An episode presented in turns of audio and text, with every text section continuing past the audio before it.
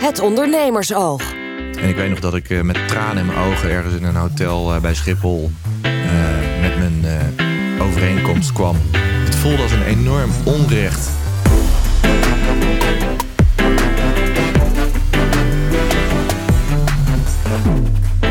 Eén stelling, drie vragen. Gesteld aan honderden ondernemers.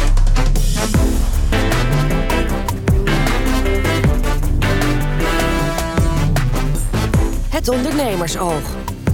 Een podcast van de Entrepreneurs Organization.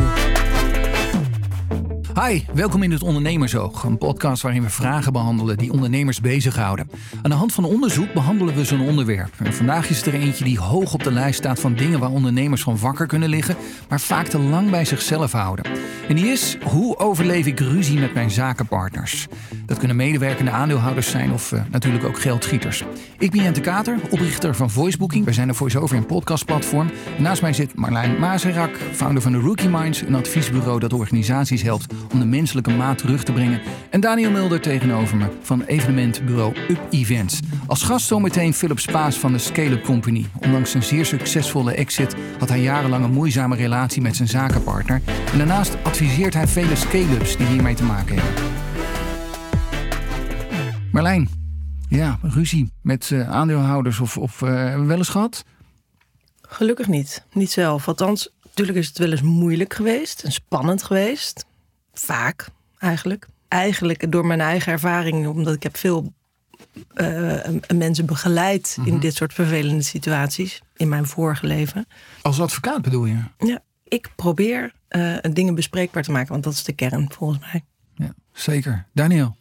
Ja, het is natuurlijk zo'n gevoelig onderwerp dat het de, de vraag is of ik het achterste van mijn tong ga laten zien. En daar hebben we trouwens straks nog een hele opmerkelijke statistiek over. Maar ik, ik zit er een soort van middenin. Niet in een conflict, maar ik heb uh, wel een paar hele heikele punten te bespreken met mijn zakenpartner. En uh, ja, wij, wij gaan voorkomen dat het een conflict wordt, hopelijk. Ja. We gaan mediation inschakelen. En uh, ook even net toevallig vanmorgen nog even geappt met ja. elkaar gezegd van... Hey, verschil van inzicht, maar we gaan dit no way ruzie laten worden of er slecht uitkomen. Je klinkt dus... heel positief hierover. Ja, zullen we over een paar maanden nog een keer opnemen? Ja, ja, ja, ja want ik wil je vragen.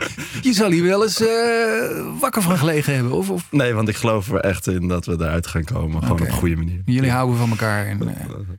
Ja, maar heel mooi nog dat wel. je ook hulp erbij vraagt. Ja. ja. nog wel, nog wel. Nee, maar je voelt dat het een ingewikkeld gesprek ja. gaat worden. En, en je haalt er hulp bij. Hoe mooi ja. is dat? Ja, je, je hebt andere je behoeftes. En je, hebt, je ziet het, je hebt andere inzichten. Dus ergens moet je dat wel met elkaar gaan rijmen. Met ja. ja. Maar je zat wel een beetje hoog in je ademhaling, merkte ik. Dus, uh... ja. En Jente, hoe is dat voor jou? Volgende vraag. ja niet zozeer knallende ruzie, maar uh, meer een gebeurtenis die niet goed uitgesproken werd. En uh, um, een van onze aandeelhouders uh, trok beloofd geld terug. En, en het had 100% niks met ons te maken. Ja, en er dan vervolgens eigenlijk niet over willen praten. En, en zeggen van ja, um, ik wil me alleen maar met positieve zaken bezighouden. Ja, leuk. Alleen wij zaten in de shit. Ja. Vervolgens. Maar is dat niet gewoon een veenbrandje? Een veemrandje wat, wat eigenlijk maar bleef uh, ja, ja, branden. Um, ik heb er vooral heel erg veel spijt van dat ik uh, niet beter en harder voor mezelf opkwam. En voor uh, voicebooking. sterker nog, we hebben medewerkers moeten laten gaan. Dus, dus, dus, dus het had effect op heel veel mensen. Ja, ja, en dan denk ik, ik probeer dingen altijd van twee kanten te bekijken. En, en, en had dus ook wel begrip voor hun situatie. En, en, en ik heb ook enorm veel respect voor ze. Uh, maar ja, um, ik was niet de veroorzaker van het probleem. Maar ik moest wel de shit opruimen, omdat het geld bij ons gewoon op was. Ja. Ja, lastig dus. Maar je had het ook niet anders kunnen doen, toch? Nee. Nee. Nee, nee zeker niet. Verregaande meningsverschillen dus tussen zakenpartners. En uh, ja, uh, wij hebben hier wat vragen over gesteld aan de leden van de Entrepreneurs Organization. Uh, wat is de Entrepreneurs Organization? Dat is een organisatie wereldwijd, 17.000 leden, in Nederland een kleine 300. En wij werken aan groei, aan onszelf en aan ons bedrijf. En daarin zijn we heel erg open en eerlijk naar elkaar. Um, in deze podcast ga je de uitslagen horen en ervaringen van leden. En straks spreken we ook met een van de leden, Philip Spaas. Hij had jarenlang een sluimerend conflict met zijn zakenpartner. En tot op de avond voorafgaand aan de verkoop van hun bedrijf liep dat. En hoe het afliep, dat hoor je zo meteen.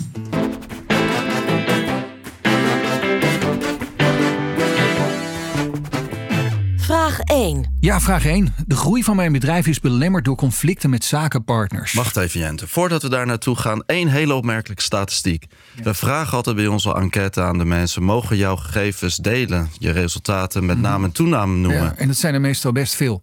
Ja, normaal eh, was het boven de 70% die, waar we gewoon de gegevens mochten delen. Ja. Vandaag was het andersom. Meer dan 70% zei nou liever niet delen. Want dat geeft Ja. weer aan hoe ongelooflijk gevoelig dit onderwerp ligt. Ja, ja, misschien is dit onderwerp wel net zo ongemakkelijk als mensen vragen over hoe het met hun seksleven gaat. Absoluut. En Als mensen daar wat meer over zouden praten, zouden eh, veel minder relaties stranden, denk ik. Dus ja, wat dat betreft, alvast vooruitlopend op vraag 2. eh, daar, daar, daar, daaruit bleek dat uit onderzoek van ons. ehm, daaruit bleek dat 55% van de IO'ers zegt het te lang te hebben aansudderen. Zo'n probleem als dit. Vind ik eigenlijk best gek, omdat juist ondernemers zo, zo enorm ver komen, omdat ze een hele krachtige mening hebben vaak. En daardoor. En waarom gaan. gaan ze dan op dit onderwerp zich anders gedragen? Dat Ja. is dan toch wel heel opmerkelijk. Ik denk dat je de, de, de, het moment dat het in de emotie schiet, Mhm. eh, eh, dan ga je ook weg van dat, die daadkracht. Dus ik denk dat dat juist, juist ondernemers het heel lastig vinden om het op dat laagje eronder Hoe erover je te dat hebben. Pre- precies? Want, want, want, want uiteindelijk merk jij, hey, eh, het botert even niet. Ja, het bent even niet, maar dan ga, je, dan ga je door op, dat, het, op toch die stukken waar je het zakelijk wel met elkaar op, op doorgaat. Dus, en dan la- dus stopt dat emotie en dat gevoel maar even weg. Je hebt net zelf het voorbeeld gegeven. Je Ik had eigenlijk moeten Ja. benoemen eerder wat het met mij deed. En wat ik belangrijk vond, heb je niet gedaan. Je bent. Ja, doorgegaan toch op dat zakelijk. Omdat je denkt, nou ik hou wel vast aan, eh, aan die stip of die horizon. Altijd maar kijken, het glas is half vol. Ik, heb, we ik, heb een, eh, ik heb een club ondernemers begeleid. Die mannen die waren al twintig jaar met elkaar aan het ondernemen. Vijf, vijf aandeelhouders. En, ehm, en eh, daar trok ik een beerput open. Wat was dan dat moment waarop jij dacht van, oké, nu gaat het goede kant op? Nou ja, de, alle kanten waren goed geweest. Het mooie was dat er voor het eerst gepraat werd. En dat was... Dat hadden ze nog nooit gedaan. En dan ben je twintig jaar succesvol met elkaar aan het ondernemen geweest. Ik heb hier een anonieme reactie. Nou, daar heb je het al. Eh, mijn learning was om zaken die eh, gevoelig zijn niet te vroeg te bespreken. Waarom de boel op scherp zetten als het nog niet nodig is? Dat, gevoel dat heb ik dan ook wel vaak, moet ik eerlijk zeggen. En ehm, achteraf ook kritischer zijn, zegt deze, eh, op mijn eigen gedrag. Ehm, als ik naar die van mij kijk, ik ben heel erg opgevoed met ehm, altijd maar meteen een mening moeten hebben. En in het begin van mijn werkende leven eh, ja, ja, liep ik ook best wel vaak met mijn neus tegen de deur aan, omdat ik gewoon te veel ja, misschien dat glas half leeg zag. Hè? En, en, en, en echt moeten leren bij mezelf van Jente, af en toe, je mag het wel denken, maar je moet gewoon je bek houden.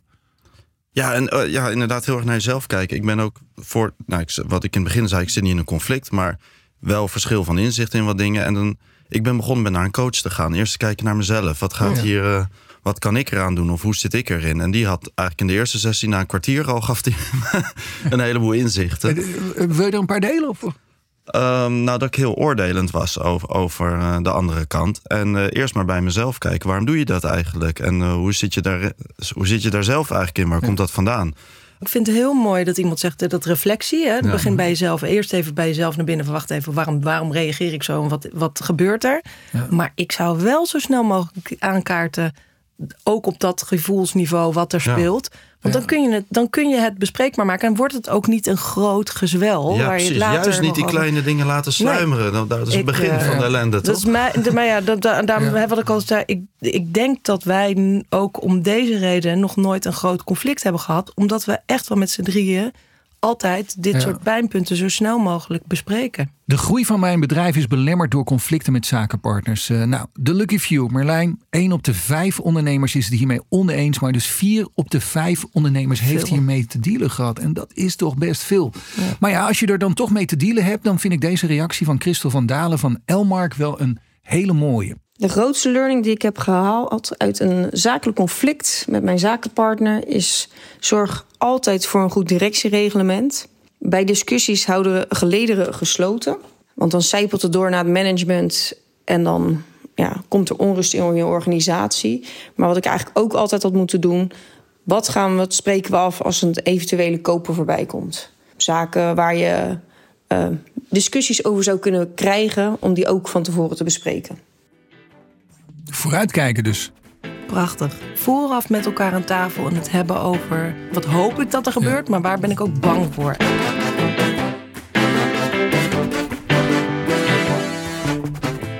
Vraag 2. En die is: welke acties heb je ondernomen om het conflict met jouw mede-eigenaar te overleven? Nou, zoals net al benoemd, 55% van de IO'ers zegt voordat er actie wordt ondernomen, uh, heb ik het te lang laten aansudderen. Uh, andere antwoorden. 40% zegt we hebben een mediator ingeschakeld. Uh, ik ben met bevriende ondernemers gaan praten. Dat zegt 30%. We hebben diegene uitgekocht. 22%. Ik ben er zelf uitgestapt. Dat is, dat is een hele pijnlijke, denk ik. 15%.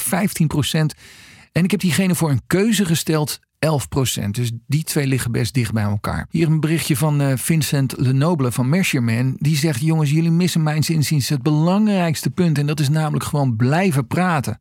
Praten vanuit begrip voor elkaars situatie. Praten met respect voor elkaars zienswijze. Praten met als doelstelling elkaar beter te begrijpen. Praten om er met elkaar uit te komen. Omdat het alternatief altijd slechter is. Prachtig. En hier een berichtje van Peter Bakkum van Aton Energy. Hi Jente, Peter Bakkum hier. We zijn gestart met drie founders en na enkele jaren al bleek dat een van de drie in een negatieve spiraal terecht kwam in onze samenwerking en alleen maar peren op de weg zag. Met onze investeerder als mediator zijn we uit elkaar gegaan en nu blijkt dat hij een eigen bedrijf weer opgestart is daarna en beter functioneert dan ooit. We hebben nog steeds contact, dus we hebben eigenlijk een goede ervaring overgehouden aan deze breuk. Ja, dat is mooi gezegd van Peter. Ja. Ja, ja, en wat dat betreft, uh, in die uitzending over uh, de arbeidsmarktkrapte kwam het een beetje op hetzelfde neer. Hè? Af en toe zit iemand niet lekker in een organisatie, maar, maar uh, zegt dat niks over de skills van diegene en, en floreert hij in een andere organisatie ja. als een dolle.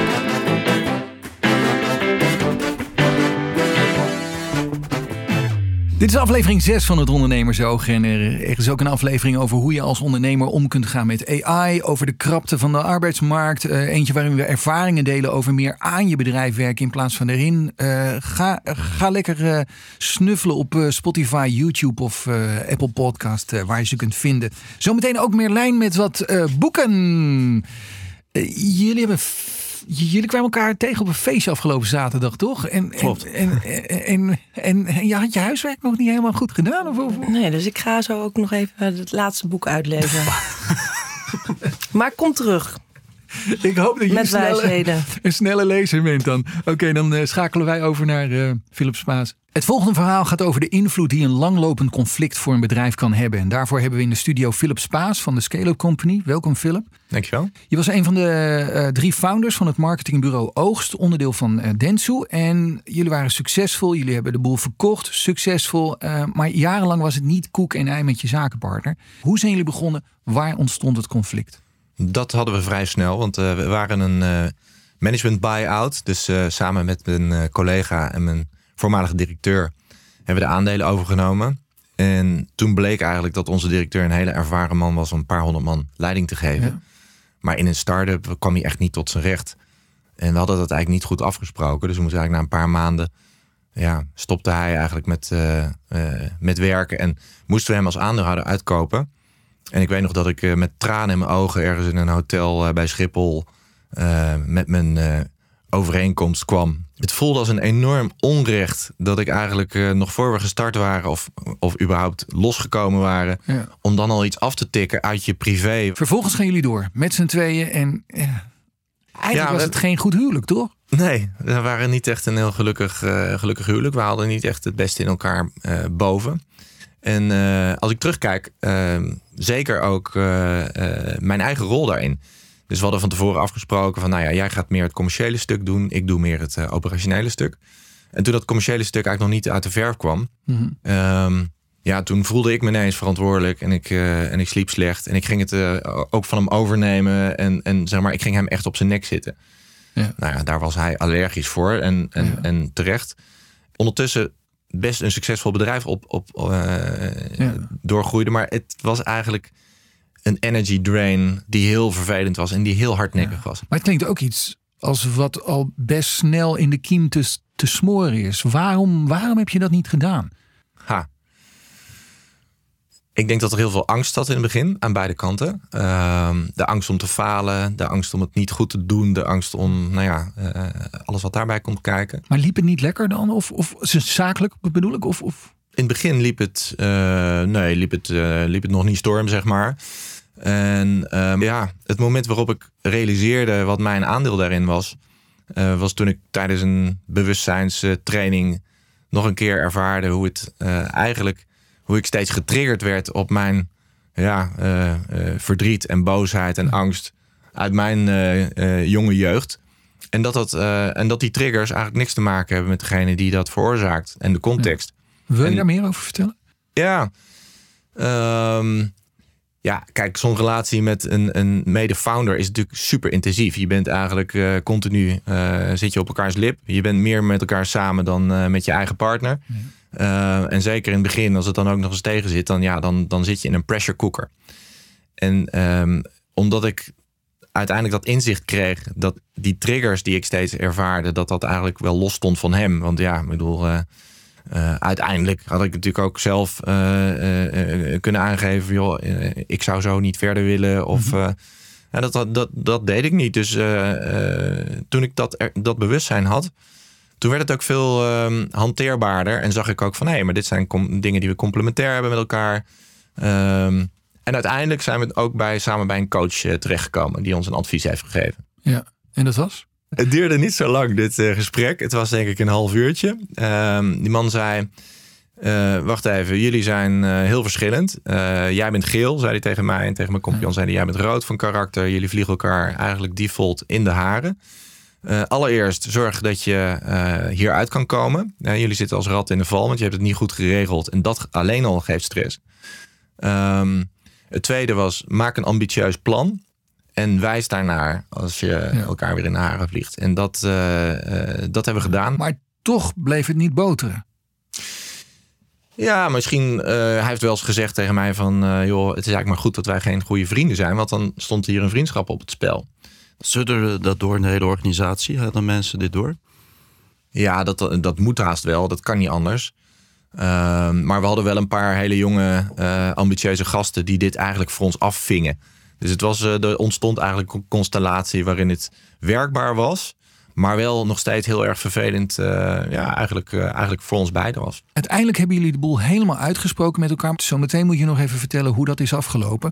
Um, eerst even terug naar iets moois wat je net al zei. Van, van, van, er kwam een besef van jou van... hé, hey, ik moet ook naar mijn eigen aandeel gaan kijken. Wanneer is dat begonnen? Ja, ik denk dat de Entrepreneurs Organization daar een hele grote rol in heeft gespeeld. Eigenlijk uh, vanaf het begin merkte ik dat het echt kwetsbaar en open zijn naar andere ondernemers, dat dat uh, heel veel zelfinzicht gaf. Ja. En, uh, dat, en, en eigenlijk, überhaupt kwam ik erachter dat kwetsbaar kunnen zijn naar een ander, betekent ook eigenlijk eerst kwetsbaar kunnen zijn en durven zijn naar jezelf.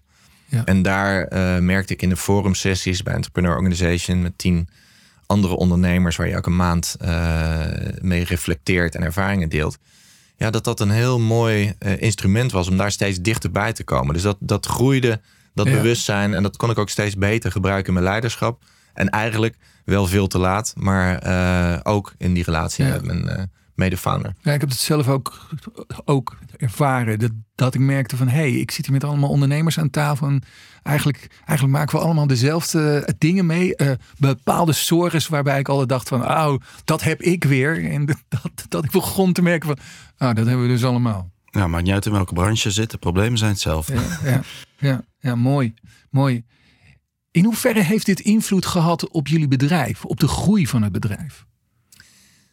Achteraf denk ik dat we veel sneller en veel uh, ja, beter hadden kunnen groeien. In de zin van, we waren denk ik allebei redelijk afgebrand en kwamen thuis niet met vrolijke verhalen. Terwijl als wij erin geslaagd waren om eerder die verbinding te zoeken en kwetsbaar naar elkaar te zijn, hadden we dat ook uh, veel meer sneller in het bedrijf kunnen brengen.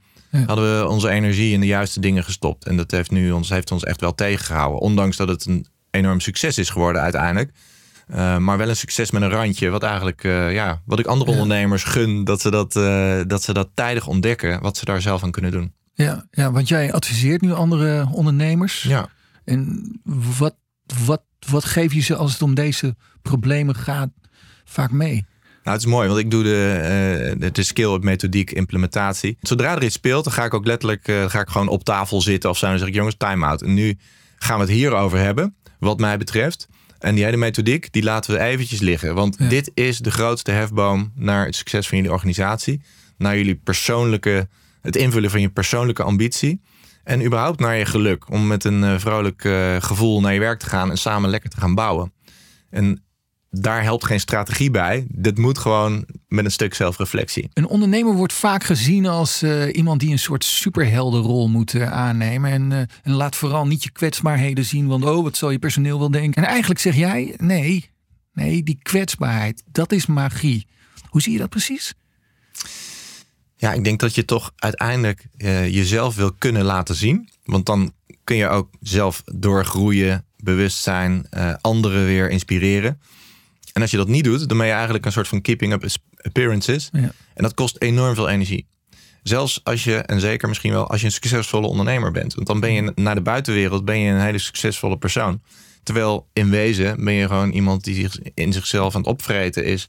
En, en een rol speelt. En toen kwam er die dag van de verkoop van die krabbelzetten. En op de een of andere manier triggerde dat wat bij jou en je zakenpartner ja, het was het moment dat, uh, dat ik afscheid nam. Dus dat was een moment waarop ik dacht, ik realiseerde, ik ga dadelijk afscheid nemen. En dan is het gewoon nog steeds een vraagteken wat er nou in al die jaren uh, niet heeft plaatsgevonden. En toen kwamen we eigenlijk uh, tot het gesprek waarin, waarin voor het eerst, en waarschijnlijk was het ook zo dat ik me kwetsbaar opstelde. En hij eigenlijk voor het eerst ook zijn angsten van het begin deelde van hè, waar hij doorheen ging. En die had ik eigenlijk nooit gezien of gehoord of willen horen. En dat was het moment waarop ik me ook realiseerde: wacht even, ja, dit heeft gewoon twee kanten. En ik gaf hem ook alle credit voor hè, hoe we dit samen hebben gedaan. Ja. Het is eigenlijk een heel emotioneel moment. Om, om, om, en, en smiddags ging hij speechen. En nou ja, prachtig kantoor. Er stonden, ik weet niet meer, over 150 mensen of zo omheen. En, en hij had een mooi gloedvol verhaal. En uiteindelijk gaven we elkaar een grote huk. En iedereen zei, wauw, wat gaaf dat je zo afscheid kan nemen. En ik zei, ja, dit is heel gaaf. Maar ik realiseerde me dat het de eerste huk was in, in die 13 jaar uh, of meer die we samenwerkten. En dat was ook het moment waarop ik dacht, oh, hier wil ik echt iets mee gaan doen. Dit, dit kwetsbare verhaal van de ondernemer, dat is zo essentieel voor jezelf, voor je team, voor je, uh, voor je co-founders, voor, dat ik daar ook veel meer uh, mee ben gaan doen. Ja, mooi. Als je, als je, als je van die ander begrijpt waar, waar, waar voor die andere de schoen wringt, dan, dan kan je ook makkelijker bepaalde keuzes van die persoon begrijpen. Zeg ik het daarmee goed? Ja, ik denk dat je het inlevingsvermogen super belangrijk is. Ja. En ik denk uiteindelijk dat je als ondernemer best wel eenzaam bent daarin. Want het is wat Daniel ook zei, je kan het niet zo makkelijk delen met anderen. Behalve dan binnen je IO of je entrepreneur uh, organization groep. Ja. Daar kan het wel. Maar het is heel lastig om die hulp te vragen. Dus je bent toch die rol aan het spelen. Terwijl het antwoord zit echt in jezelf. Ja. Mooi, mooi. Philip, Philip Spaas van de Scale-up Company. Dankjewel voor je bijdrage. Graag gedaan. Dankjewel. Mooi verhaal dit. Ja, als je meer wilt weten trouwens over de Entrepreneurs Organization. We komen dus maandelijks bij elkaar in fora waarin we ervaringen met elkaar delen om zo te groeien, zakelijk en persoonlijk. En um, wat je bijvoorbeeld kunt doen is, is um, op de site even wat informatie vergaren of naar een testdrive komen waar je uh, zo'n zo'n forumsessie zelf ervaart. Daarvoor kun je naar entrepreneursorganization.nl.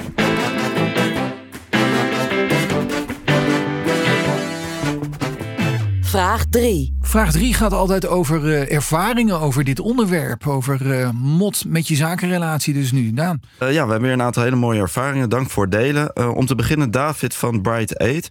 Het verplaatsen van de verantwoordelijkheid voor het probleem... en daarmee dus ook van de oplossing naar jouw partner... is logisch en menselijk. Maar je bent en blijft zelf verantwoordelijk hoe je ermee omgaat. En kijk ook eens hoe je partner naar jou kijkt. Wellicht is daar ook nog iets te winnen. De tweede is, dit is natuurlijk een hele unieke situatie. Maar bij ons heeft een coach voor ons beiden plus wekelijks overleg heel goed geholpen. We zijn naast zaakpartners namelijk ook een getrouwd stel met kinderen. Dus dit begon nogal door te sudderen. Drukte voornamelijk door ook op ons privéleven. Ja, dat wil je niet tijdens het avondeten hebben. Nee. En heb ik er straks nog eentje die uh, alles wat we vandaag besproken hebben in uh, relativeert en in perspectief plaatst. maar jij had eerst nog een. Maar eerst een voice memo inderdaad. Hallo EO, dit is Paul Meester. Ik wil met jullie een ervaring delen over het uitkopen van mijn businesspartner. Na 24 jaar samengewerkt te hebben, waren we toch wel een beetje op elkaar uitgekeken. Nou, wat hebben we gedaan? We hebben eigenlijk gehandeld volgens de waarden die we ook tijdens het zaken doen uh, altijd hebben gehanteerd. Daarnaast hadden we geen haast, hebben de tijd genomen om een deal te maken die we eigenlijk allebei zouden kunnen accepteren. Dus er stond op het laatst iets op papier. Als ik er naar keek, dacht ik, nou, dat zou ik in principe willen accepteren. En mijn businesspartner ook. En daarmee was de reden uh, om uit elkaar te gaan niet meer dat de een of de ander er wat meer aan verdiende, maar meer dat je echt kon kijken naar wat belangrijker is. Wat wil je met de rest van je leven gaan doen? Er zitten meerdere learnings in hier, hè? Nou. Die ander wil stoppen en nu ben ik de lul, want ik moet je uitkopen. Kan, hoeft natuurlijk niet. Kan ook andersom zijn. Ja. Nou ja, met het feit dat je het van twee kanten bekijkt, hè, dus jezelf in het andere perspectief plaatst. Het, het, feit dat je de tijd ervoor neemt, dat zegt Paul hier heel duidelijk. Ja, heel de tijd neemt voor dit proces. Het is echt een proces.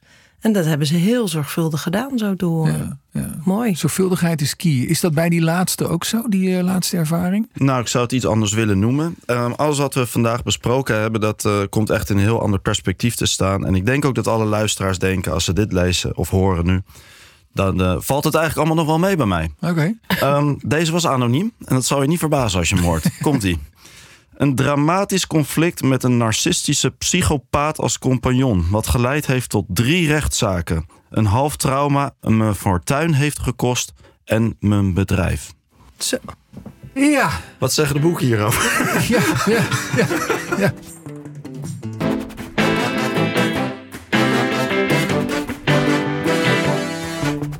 Is er nog hoop voor dit soort situaties? Wat zeggen de boeken erover, Merlijn? Nou, gelukkig. Ik heb er een paar uh, gevonden die uh, inderdaad wat uh, hoop in dit soort situaties bieden, hoop ik. Ben Boek nummer één. Gaan graven. Een, een bekende, Patrick Lencioni. Five Dysfunctions of a Team. Of Vijf Frustraties van Teamwork. Um, ja, een fictief verhaal van een leiderschapsteam wat uh, eigenlijk niet zo lekker loopt. En waar Lencioni eigenlijk heel zichtbaar maakt welke elementen nou cruciaal zijn in een, in een relatie. En in, in dit geval een, een leiderschapsteam. Uh, waarbij hij zegt, die, die, die elementen die, die cruciaal zijn. En die bouwt hij op in een piramide. De piramide van Lencioni. Dat zijn vertrouwen, conflict, betrokkenheid, verantwoordelijkheid en resultaten. En hij zegt eigenlijk, ja, de boodschap is dat je in die relatie moet investeren en ook constant aandacht moet geven aan die elementen. Um, en het is een fictief verhaal, maar daardoor ook blijft het, uh, is het heel levendig en, en, en vind ik het ook meteen eigenlijk wel heel toepasbaar. En dan eentje die ik uh, toevallig tegenkwam, die ik nog niet helemaal uit had, maar net eventjes heb even uitgelezen. Snellezer dat je dat, bent. Een snelle lezer dat ik ben. Uh, feedback geven. Feedback is een cadeautje van uh, Douglas Stone en Sheila Heen. Uh, Heel veel mensen zullen daar niet, niet mee eens zijn op het nee, eerste gezicht. Nee, precies. De, en, en, en we hebben het eigenlijk al heel vaak hier aan tafel nu er vandaag over gehad. Het gesprek aangaan met een ander is ongelooflijk lastig. Omdat het altijd ja, op die emotielaag zit. Uh, en dit boek leert ons eigenlijk, eigenlijk de positieve kanten van feedback geven en krijgen te zien. Um, en hij zegt eigenlijk, ja, vrees het niet, maar zie het als een instrument voor groei. Wat het boek ook mooi zegt, feedback uh, is een cadeautje. En dan staat er tussen haakjes, zelfs als het ongevraagd, onduidelijk en onterecht is. En je er even geen zin in hebt. Precies. Heel mooi precies, gezegd. Volgende precies. boek. En dan een, uh, een afsluiter. En deze, dit is, uh, dit is mijn persoonlijke nou, bijbel, ja. wou ik zeggen. Holy Grail. Ja. Dat is uh, Ontdek je sterke punten. Uh, het gaat eigenlijk niet zozeer om het boek zelf, maar wel het, uh, uh, de detector die erachter zit Ja, en het systeem van uh, zit. de code die achterin zit. Het systeem van Gallup. Um, Gallup heeft een methodiek ontwikkeld waar, waarbij ze of een, een, een, detector ontwikkeld waarbij ze 34 sterke punten um, hebben gedefinieerd. Um, nou, waarom heb ik deze erbij gehaald? Omdat eigenlijk je, je, je, je succes hè, met elkaar in je relatie wilt versterken. En, en, en dat het gesprek aangaan met elkaar is gewoon best wel lastig. Maar elkaar in een ander daglicht gaan zien Ja. vanuit de strengths. eh, dat kan ook eh, er, ervoor zorgen dat je gewoon weer een positievere kijk krijgt op iemand. Ja. En ook ziet van, jij bent gewoon hartstikke goed daarin. Dat was ik even Ja. vergeten. Ik vond dit boek vond ik echt enorm mooi. Ik ben het ook niet wezen lezen, maar dus uh, nee, dat de, de, uh, via de code die in het boek staat, kwam er een strength test. Uh, daaruit kwamen 30 uh, skills. 34, 34 sterke punten zijn 4, 34. 34. En wat het mooie toen was, dat um, in die training um, um, ik ook printouts kreeg van, van, van de resultaten van alle anderen waarmee ik op dat moment werkte. Waardoor ik veel beter ging begrijpen van, oh hé, hey, maar omdat dit jouw strength is, en dan vaak schuurt het. Hè? Het zit met name, ze hebben, je hebt bijvoorbeeld vier domeinen. En als jij, als jij in je, met je compagnon zit en die is niet zo sterk op dat strategische, maar wel bijvoorbeeld heel erg op executie. Ja. Dan kan je wel gaan zitten trekken aan dat strategische. Maar als je nou weet dat hij gewoon goed is op de executie, laat je daar dan door inspireren. En ga zelf in dat andere domein staan. En omarm dat als, jij, als Ja. daar jouw superpowers zitten. Het is ook een hele mooie om, om, om, om voor jezelf af en toe even geremind te aan, oh ja, als het glas half vol is bij diegene, dan zie ik dat en dat en dat en dat. Heel mooi. De, eh, de titels van de boeken vind je in de show notes. En eh, ja, dit was hem. Aflevering 6 van het Ondernemersoog. Volgende maand natuurlijk weer een nieuwe aflevering. Eh, wil je meerdere afleveringen beluisteren, dan kan dat. Ze staan op Apple Podcast, Spotify en YouTube. En eh, speciale dank aan mijn gasten. Philip Spaas, aan de voice memos van eh, Christel van Dalen, Peter Bakkum en eh, Paul Meester. En natuurlijk aan alle IO'ers die weer hebben meegedaan aan het onderzoek. Ben je geïnteresseerd geraakt in een Entrepreneurs Organization? Ga naar entrepreneursorganization.nl. Marlijn, Daniel, bedankt en tot de volgende. Volgende. Tot de volgende keer.